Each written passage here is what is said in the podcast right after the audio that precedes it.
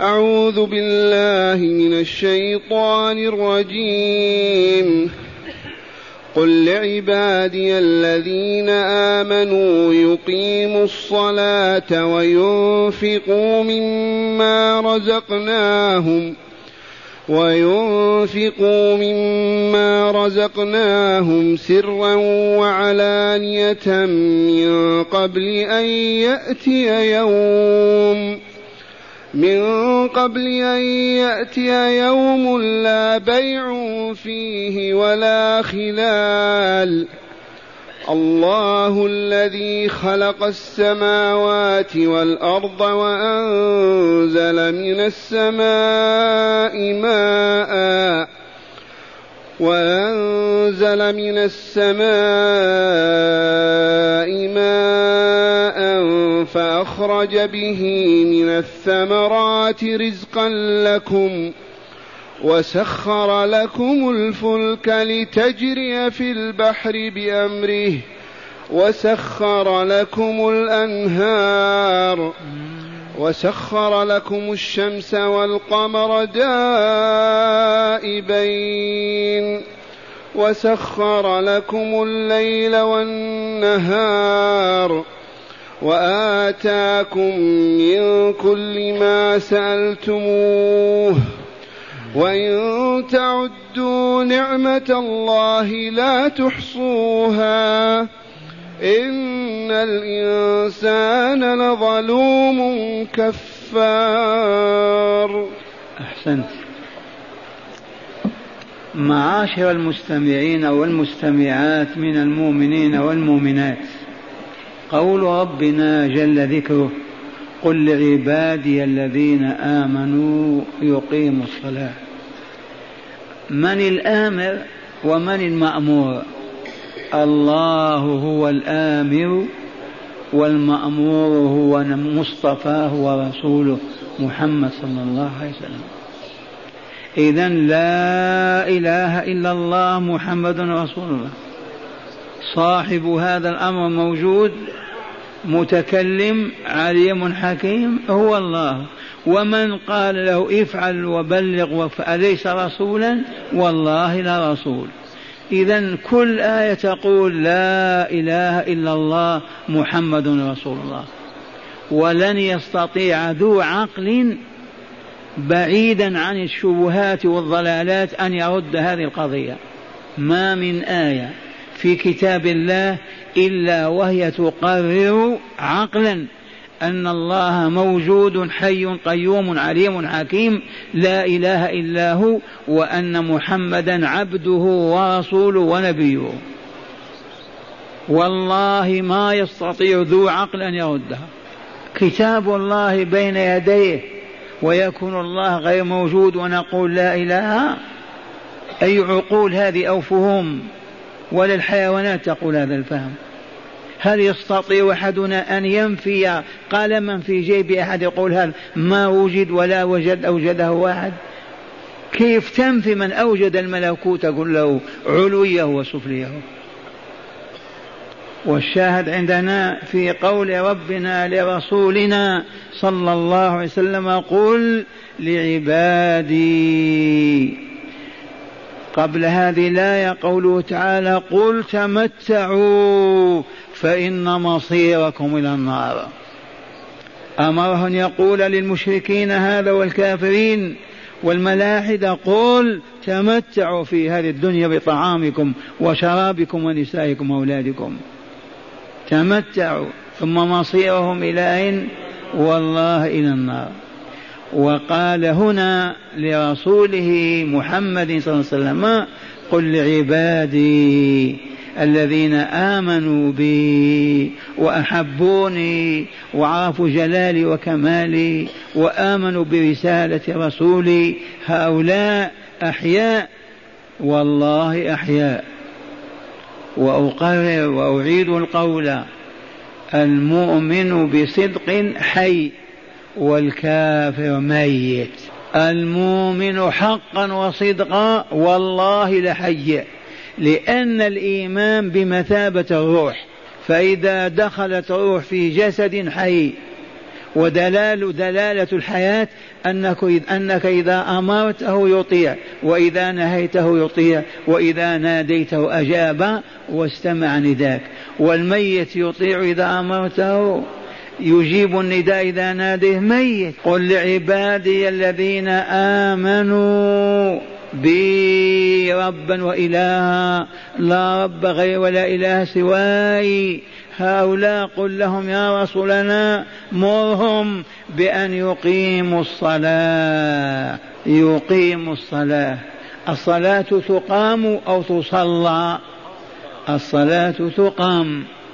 لأنها لا تقف على قدميها وتصبح صلاة طاقة نورانية تزكي القلوب والأرواح والنفوس وتطهرها إلا إذا كانت قائمة. ليس فيها انحراف لا ميلا ولا سقوط ولا تقديم ولا تخير قائمة.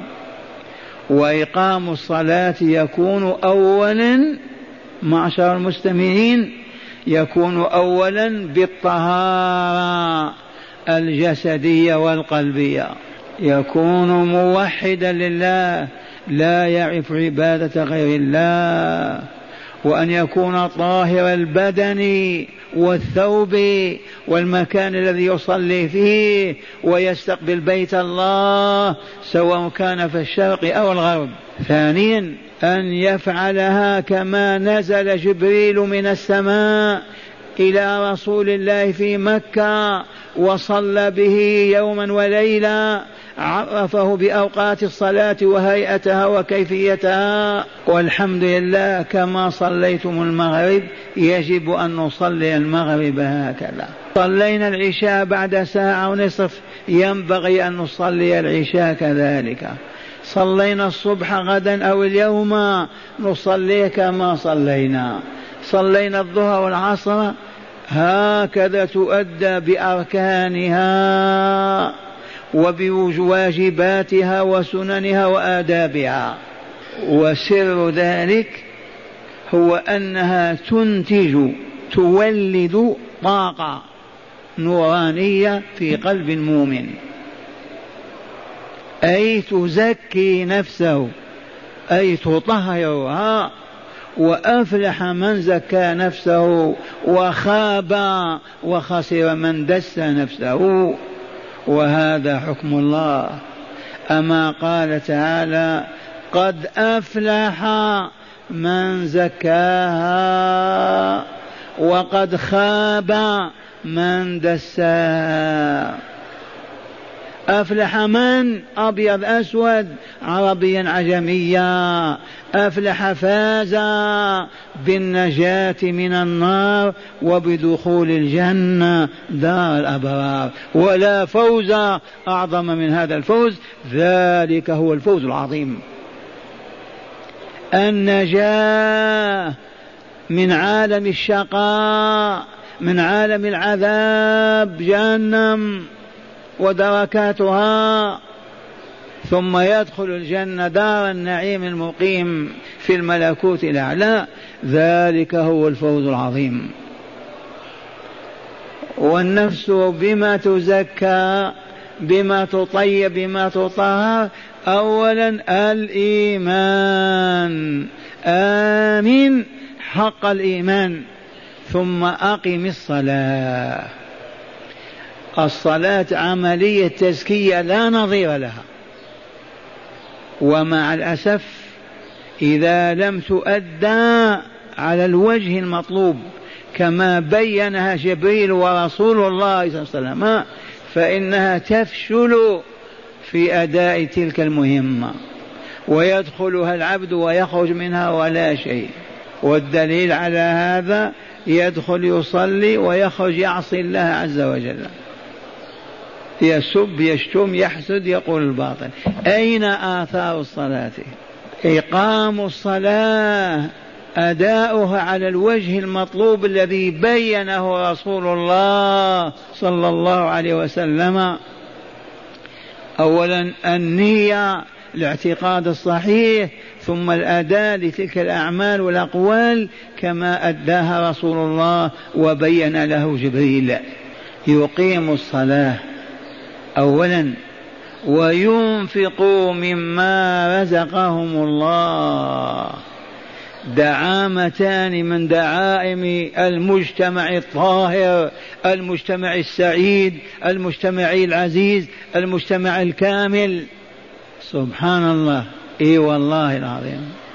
وأيما مجتمع يخلو من هذين الأمرين والله لا يسعد أهله ولا طهارة ولا صفا ولا كمال. لأن الشعب الأمة القبيلة الأسرة كلهم أقاموا الصلاة. يبقى فيهم زنا فجور كذب خداع غش باطل منكر والله ما يبقى. ولا نحتاج إلى شرطي واحد ولا بوليس. أبدا. يا شيخ كيف تقول ما نحتاج إلى شرطي؟ والجواب دولة رسول عشر سنوات كم كان شرطي عندها؟ دولة أبي بكر ثلاث سنوات كم كان عنده من شرطي وبوليس؟ دولة عمر ثلاثة وعشرين سنة كم كان عندها وهكذا. ماذا نصنع بالبوليس والشرطي؟ كلنا شرطي وكلنا بوليس. إذ كلنا أصفياء وأطهار. لا نرضى بالباطل ولا بالشر ولا بالخبث بحال من الأحوال. فماذا نصنع إذا بالحرس؟ لعل الشيخ واهم. بالله الذي لا إله غيره لا هذا هو الحق. لو أقامنا الصلاة كما أراد الله وأمر الله وبين رسول الله. لانتفها لانتفى انتفاء كاملا كل شر وبخث وخبث وفساد.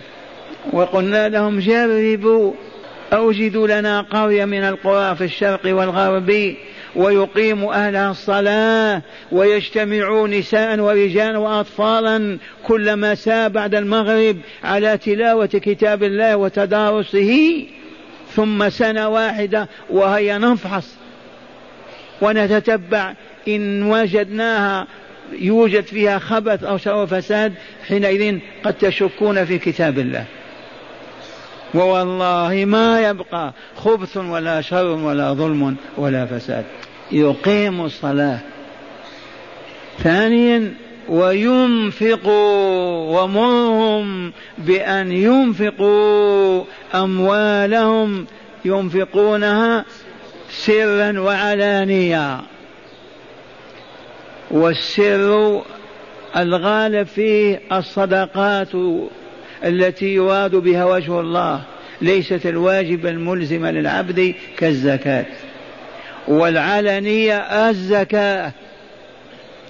ثم قد توجد حال تصبح الصدقة الصدقة التطوعية الإعلان بها أفضل لأنها تحمل الآخرين على أن يتطوعوا.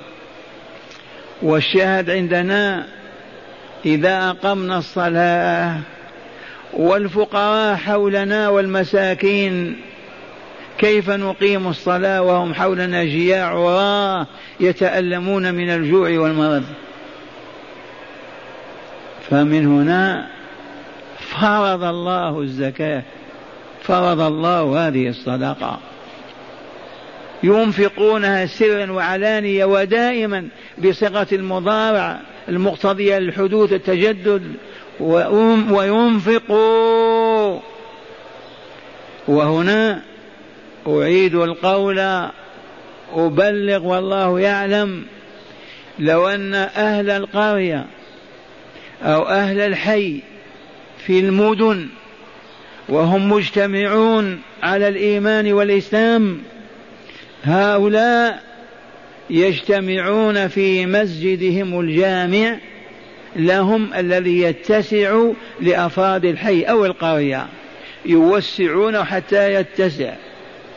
ويصلون المغرب ويجلسون بعده جلوسنا هذا. النساء وراء ستاير والأطفال صفوف كالملائكة بين بين يدي الرجال والرجال أمامهم. وليلة آية من كتاب الله. يتغنى بها حتى تحفظ. يرددها المربي المعلم. حتى يحفظه الصغير والكبير والذكر والأنثى.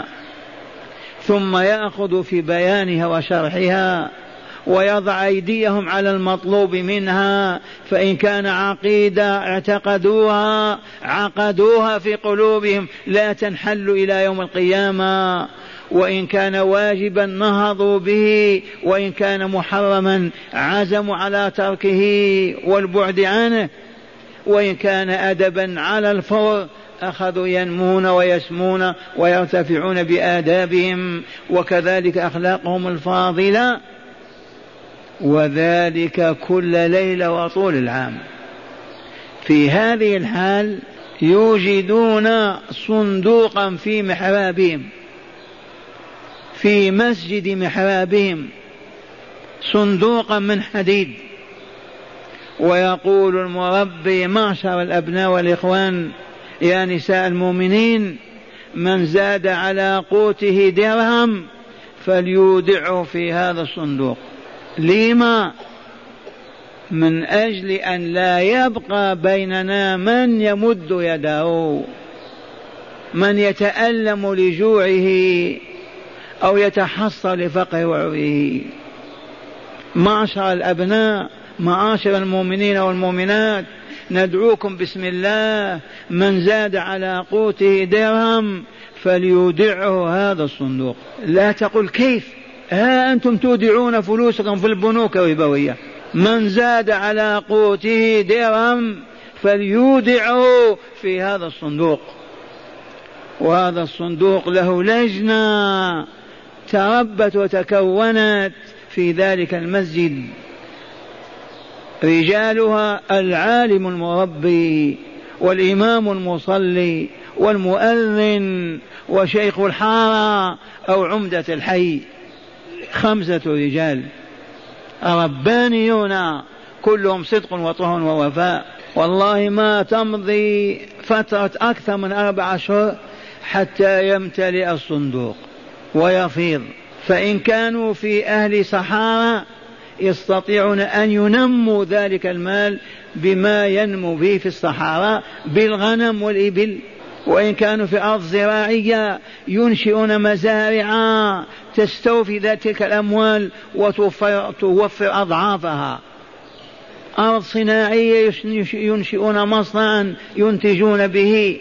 ونهاية السنة من كان أودع ماله لله لا يريد فضيلة ولا زايد يريد الحسنة من الله ما يعطى شيئا. والذين أودعوا أموالهم على أن تنمو لهم وتكثر يعطونهم بحسب ما أودعوا. هنا المال الزايد ينفق على من؟ على أهل القرية. يزوجون به العزب ويبنون به الدار لمن سقطت داره ويطعمون من جاع ويكسون من عري والله ما يبقى بينهم من يسأل غير الله. ومن ثم تطمئن نفوس لمن نشح لمن نبخل ونحن آمنون والحمد لله. إذا مت أطفالي في حماية هذه الجماعة لا يخافون ولا يرهبون. لما نكنز المال لما ندخره ما فائدة الادخار؟ الأمة قائمة على أصول الدين لا يجوع بينها جائع ولا يعو عاري. وتنتهي مظاهر البخل والشح وحب الدنيا والتكالب عليها. كل هذا ينمحي. ثم تلك الآداب التي يتلقونها كل يوم هي التي تمسح القلوب من أوساخ الدنيا وأوضارها الباطلة. وتمحو كل أثر من آثار الشهوات الباطل. والله لا يفيض المال. والله لا يفيض المال عنهم. ويحولونه إلى بعض القرى أو بعض المداشر. هذا الذي أراده الله بهذه الآية. قول يا رسولنا لعبادي المؤمنين ليكملوا ويسعدوا ويتهيأوا للسعادة في الملكوت الأعلى ليطيبوا ويصفوا يقيموا الصلاة وينفقوا مما رزقناهم سرا وعلانية. عرفتم سر هذا الأمر؟ تكوين مجتمع رباني. وقد قلت لكم العهد النوراني هل كان هناك من يشحت أو يسأل أو يسرق أو يكذب أو يفجر؟ سدت حاجاتهم وقضيت آمالهم والسؤال لما يا شيخ وأنت تردد هذا الكلام طول العام وكتبت رسائل عامة وزعت على المسلمين ما هناك قرية أبدا اجتمعوا؟ ولا أهل حي في مدينة اجتمعوا؟ لما هل كلفوا بما لا يطيقون؟ أسألكم بالله يا عقلاء يا رحماء إذا دقت الساعة السادسة ما يقف العمل في المصانع والمزارع والمتاجر وإلا لا؟ يقف. عادة البشر هذا. يتطهرون ويحملون نساءهم وأطفالهم إلى بيت ربهم وإن ضاق وسعوه ويجتمعون كل ليلة. اجتماعنا هذا لكن ذاك أفضل لأننا نقرأ آية ونحفظها ونفسرها ونعزم على تطبيقها ومن الغد ونحن نطبقها. يوما بعد يوم ما يمضي أربعون يوما وتغير ذاك الوجه لتلك القرية أو ذلك المجتمع. ما المانع؟ نحن الآن في حيرة. ما المانع ولا مانع. أبدا. لا حكومة تمنع ولا سلطان يقهر ولا أبدا. كيف نفسر نقول ذنوبنا هي التي أوقعتنا في هذا الهبوط؟ نبقى هكذا حتى نخسر. جربوا ما أكثر القرى وما أكثر المداشي وما أكثر وما أكثر المدن والأحياء. لما ما يجتمعون على هذا النظام؟ لما يكونون لجنة في المسجد من إمام المسجد وشيخ القرية أو عمدتها ثلاثة خمس أنفار هؤلاء يكفي وجودهم في أن يربوا أهل القرية. ما يشذ بينهم شاذ ولا يتطرف متطرف. وإن تطرف أحد استدعوه وأدبوه ثم نفوه وطردوه ويسودهم الأمن والطهر والصفاء ويصبحون حقا أحياء غير أموات. بلغوا معشر المستمعين والمستمعات وموعدنا معكم يوم القيامة. إذا قل لعبادي الذين آمنوا يقيموا الصلاة وينفقوا مما رزقناهم سرا وعلانية. عجلوا! من قبل أن يأتي يوم لا بيع فيه ولا خلال. ما فيه تواطؤ وتماثل. الفور من قبل أن يأتي يوم ألا وهو يوم القيامة يوم يوم الموت. لا شراء ولا بيع. ما تشتري نفسك ولا تبيع ابنك وتعوض نفسك. ولا خلا خلال ولا صداقة ولا مودة ولا محبة. نواخذ بذنوبنا. فقط ينظر إلى النفس زكية أو خبيثة. فإن كانت زكية طاهرة إلى دار السلام وإن كانت خبيثة منتنة إلى دار البوار. والله سوى هذا. لا بيع ولا شراء ولا خلة ولا صداقة ولا شفاعة ولا ولا. وهذا عند موتنا في القبر تبتدي هذه القضية. ما ننسى حكم الله الخالد؟ قد أفلح من زكاها وقد خاب من دساها. عجلوا من قبل أن يأتي يوم لا بيع فيه ولا خلال والخلال والخلة الصداقة والمودة والمحبة. لما يكون الإنسان في قبره يجد من يشتريه ويبيع يجد صداقة وخلة بينه وبين الناس ينفعونه؟ والله ما ينفع. هذا في القبر فكيف بيوم القيامة؟ إذا هيا نعجل بماذا؟ نقيم الصلاة وننفق مما رزقنا الله سرا وعلانية. نعم أفراد ينفقون أو يقيمون الصلاة ليسوا هم الأمة لا بد وأن يكون على الأقل ثلثاء أهل القرية أو ثلثاء أهل المدينة. أما خمسة في المئة وعشرة في المئة ماذا يجدون؟ ماذا ينفعون؟ لو خرجوا من مالهم كله وتصدقوا به يجدي؟ ما يجدي. لا بد إذن من الاجتماع. وأكرر القول ما بلغنا أن أهل قرية في العالم الإسلامي باستثناء البلاد الشيوعية. منعوا من إقام الصلاة أو إيتاء الزكاة. أبدا. ما في من منعهم. وإنما إذا أصبحوا يحاربون الحاكم الحاكم يغضب ما يرضى ويضربهم على رؤوسهم. ذي سنة الله عز وجل. ولا عجب فيها ولا غرابة. لما نحارب الحكام ونحن أسوأ منهم. أين آدابنا؟ أين أخلاقنا؟ أين إيماننا؟ أين صلاحنا؟ أين استقامتنا؟ لو وجدت لغطت وغشت أهل بلادنا وأصبحوا كلهم ربانيين نساء ورجالا. راضون بالفسق والفجور والباطل والكذب والخيانة والشرك والعياذ بالله وسوء الفهم والإدراك ونقول الحكومة والحاكم. عبث هذا القول. وجار من البلاء ما تسمعون وتعرفون. لعل الشيخ واهم بالله الذي لا إله غيره إني لعلى علم يقيني بما أقول. وسوف تسمعون هذا يوم القيامة.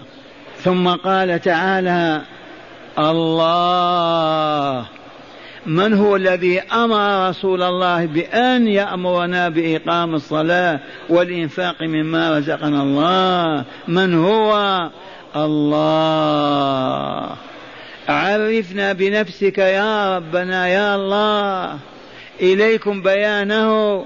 يقول الله الذي خلق السماوات والأرض. يا جماعة يا عباد الله ما فيه أرض أبدا ولا سماء. من قال لا أرض ولا سماء. هذا مجنون ولا عاقل؟ أنت واقف على ماذا؟ على أرض ولا لا؟ وما فوقك ما يسمى ليس سماء؟ من خلق الأرض والسماء؟ أمي بنو هاشم العناترة فراعنة من خلق؟ الملاحدة البلاشفة العلمانيون من؟ ما في جواب أبدا إلا كلمة الله أو تسكت. أما أن تنسب الخلق لهذا الكون لمخلوق هيهات هيهات. أن يقبل قولك أو يسمع حتى يقول. ها هو يعرفنا بنفسه. لنحبه أكثر من حبنا لأنفسنا فضلا عن ذرياتنا وأموالنا. ونطيعه فيما أمرنا ونهانا وإن مرضنا وإن شقينا. الله هذا هو الاسم الأعظم. لذي الجلال والإكرام. الذي خلق السماوات كم؟ سبع سماوات. سبع سماوات. غلظ السماء مسيرة خمسمائة عام للطائر. هذا غلظها. وما بينه فوق السماء التي فوقها مسيرة خمسمائة عام. كم؟ سبع آلاف وخمسمائة سنة. وأنت طائر حتى تصل إلى السماء. الآخرة. ومع هذا اخترقها رسول الله صلى الله عليه وسلم في دقائق في دقائق لا ساعات ولا عجب ولا عجب. إذ كانوا يعرفون معرفة يقينية أن المسافر من الأندلس إلى المدينة ليطلب العلم يحتاج إلى ستة أشهر. هكذا لو قال لهم قائل إنه في ساعتين يكون هنا يعجبون يقولوا ما يصح هذا إلا إذا أخبر الله به. والآن كما تشاهدون. سبع سماوات غلاظ السماء خمسمائة سنة بين السماء والسماء خمسمائة سنة. كم سنة هذه؟ سبع آلاف وخمسمائة. هذه السماوات من أوجدها؟ ماذا نقول في السماوات؟ بليارات بلايين البلايين النجوم والكواكب والأفلاك فوق ما تقدر أو تتصور.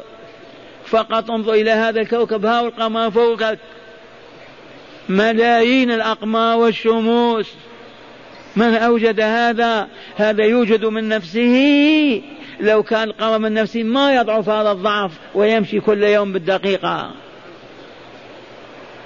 إرادة الله وتدبيره واضع السنن والقوانين في الكون لا تتخلف. هذا وننسى ونقول يا سيدي عبد القادر يا فاطمة يا حسين أنت مجنون ولا عاقل؟ من يسمعك إذا ناديت الأموات؟ وهل يستجيبون لك؟ والله ما يستجيبون. كل ما في الأمر صافك الشيطان منعك أن يستجاب لك وتعطى حاجتك. لو قلت يا رب يا خالق السماوات والأرض الله الذي خلق السماوات والأرض وهذه الأرض نحن على ظهرها. من كوكبها من كورها من أوجد تربتها من أوجد ماءها من من من من. لا أحد لا أحد إلا الله إلا الله إلا الله. إذا لا إله إلا الله. وأنزل من السماء ماء. هذه السحب تحمل أطنان المياه. من كونها؟ أمي أم أبي؟ أمريكا وإلى روسيا. من كون السحب؟ من ملأها بالأمطار؟ من ساقها في الفضاء في الهواء؟ من أذن له أن تمطر هنا ولا تمطر هنا من فعل هذا سوى الله؟ ومن قال فلان يشير إليه. ما دام لا أحد ما بقي إلا الله الذي أخبر بنفسه أنه هو الذي أنزل من السماء ماء. أنزل أنزل من السماء ماء. فأخرج به من الثمرات رزقا لكم. جميع أنواع الثمار والحبوب والفواكه والخضار مفتقرة إلى الماء وإلى لا بدون الماء يكون شيء والله ما يكون. هذا سر ذي حكمة إنزال المطر وجريان الماء في الأنهار وفي الأودية. حكمة ذلك ما هي؟ أن نجد ما نقتات به من أنواع الثمار والفواكه والحبوب. من فعل بنا هذا؟ الله. ما نشكره؟ أعوذ بالله منا. ما نشكره؟ كيف لا؟ وهو يغذينا ويسقينا وأوجدنا وخلقنا وحمانا. الحمد لله. قل هو ملء في فيك. الحمد لله. وأنزل لكم من السماء ماء فأخرج به من الثمرات رزقا لكم وسخر لكم الفلك أي السفن لتجري في البحر. أيام كانت لا طائرة ولا باء ولا سيارة. كيف كانت التجارة وكيف كانت البضائع تنقل؟ أسألكم بالله على الإبل أو على السفن. في المحيط في الأحمر في الأبيض في الأسود تنتقل من إقليم إلى إقليم تحمل البضائع وتحمل السلع ليقتات الناس ويعيشوا. من فعل هذا لنا؟ الله. سخرها كيف السفينة مسخرة والآن تريد أن تعجب وإلا لا؟ الطائرة قف وانظر الحلقة طائرة واحدة تحمل هذا العدد. وتحمل البضائع. من سخر من ذللها من جعلها تفعل هكذا؟ أمي وإلى أبي. الله. سخر لكم ما في الأرض جميعا. وسخر لكم الفلك لتجري في البحر بأمره. وسخر لكم الأنهار. النيل والفرات وأنهار في العالم لا تسأل. ماءها عذب صافي من السقي والزراعة وما إلى ذلك. من أجر هذه الأنهار؟ من جاء بمائها؟ من سخرها حتى نسوقها؟ هنا وهناك. الله! وسخر لكم الشمس والقمر. هل نملك نحن للشمس شيئا؟ نقولها غدا ما تطلعين أو نقولها قفي أو أرجعي. ممكن؟ والقمر تجتمع البشرية كلها. هل توقفه؟ خلوا واقف الليل إلى الصبح هنا. مستحيل. إذا أو أهل القمر والشمس ليس لهم ليس عليهم سلطان إلا من أنفسهم. لا بأس من أنفسهم. من أوجدهم؟ مع أن الذي أوجدهم هو الذي سخرهم هذا التسخير لفائدتك يا ابن آدم حتى تقول لا إله إلا الله وتعبد الله وحده. ومن أجل ماذا؟ من أجل أن تنتقل من عالم الشقاء إلى عالم السعادة. ما في غرض ولا هدف سوى هذا. وسخر لكم الشمس والقمر وسخر لكم الليل والنهار. أرأيتم لو دام الليل ما طلع النهار شهرين ثلاثة ماذا تصنعون؟ لو طلعت الشمس واستمر النهار طول العام ماذا تصنعون؟ بأيدينا تسخير الليل والنهار؟ من سخرهما ودللهما؟ من أجلنا؟ لنعبده ونشكره في حياتنا وليسعدنا في, في آخرتنا. ثالثا رابعا وآتاكم من كل ما سألتموه وما لم تسألوه أيضا. ما من عبد سأل الله شيء إلا وأعطاه شيئا مما سأل. وقد لا يعطيه في ذاك السؤال لأنه لا خير له فيما طلبه. فهو يعطينا من بعض الأسئلة لا كل الأسئلة. لو يعطينا كل ما نطلبه فسد العالم خربت الدنيا كلها. إذا وآتاكم من كل ما سألتموه وإن تعدوا نعمة الله بالآلات والله لا تحصوها. أبدا. أجل نعمة أكبر نعمة أنك تبصر كل دقيقة كل لحظة كم تساوي. أنك تسمع في كل لحظة. أنك أنك أنك الكون كله موجود من أجلك. كيف تستطيع أن تحصي هذه النعم؟ مستحيل. وإن تعدوا نعمة الله لا تحصوها. ولكن إن الإنسان لظلوم كفار. كان عمر يقول في دعائه اللهم اغفر لي ظلمي وكفري. اللهم اغفر لي ظلمي وكفري. والله ما ظلم عمر ولا كفر ولكن الإيمان ولكن الرهبه من الرحمن يدعو بهذا الدعاء لأن لفظ إنسان عام للابيض والأسود والأول والآخر. وهنا ورد في القرآن الكريم وصف الإنسان بالظلم والكفر. في هذه الآية الكريمة إن الإنسان لظلوم كفار وورد, وورد وصفه بالجهل بالظلم والجهل. وراد أيضا وصفه بال بالهلع منا على الخير؟ هلوعا. نعم نعم. نقول جزوع. عند الشر مناع على الخير عنده. هذه الأمراض فطرة الإنسان. هل هناك مستشفى في العالم يعالج هذه الأمراض؟ يخرجوك من المستشفى لا تظلم أبدا ولا تكفر شيئا ولا تغطيه يخرجك من المستشفى لا تجزع حتى ولو لسعتك العقب تقول الله ولا تبكي. لا تمنع الخير أبدا وتعطيه لكل من سأله. فيه وصفة طبية بيناها للمسلمين مئات المرات. وصفة طبية ذات ثمانية أرقام. يعرفون هذا في الطب إلى لا؟ وصفة طبية كم رقم فيها؟ واحد اثنين ثلاثة أربعة فيها ثمانية. بين العلماء ليعلمونا كيف نستعمل هذه العقاقير كيف نستعمل هذه الأدوية وإلى ما تنفعنا. هذا كلام الله هذا هو القرآن. اقرأوا على الموتى. أعوذ بالله. ماذا أصاب؟ لا إله إلا الله.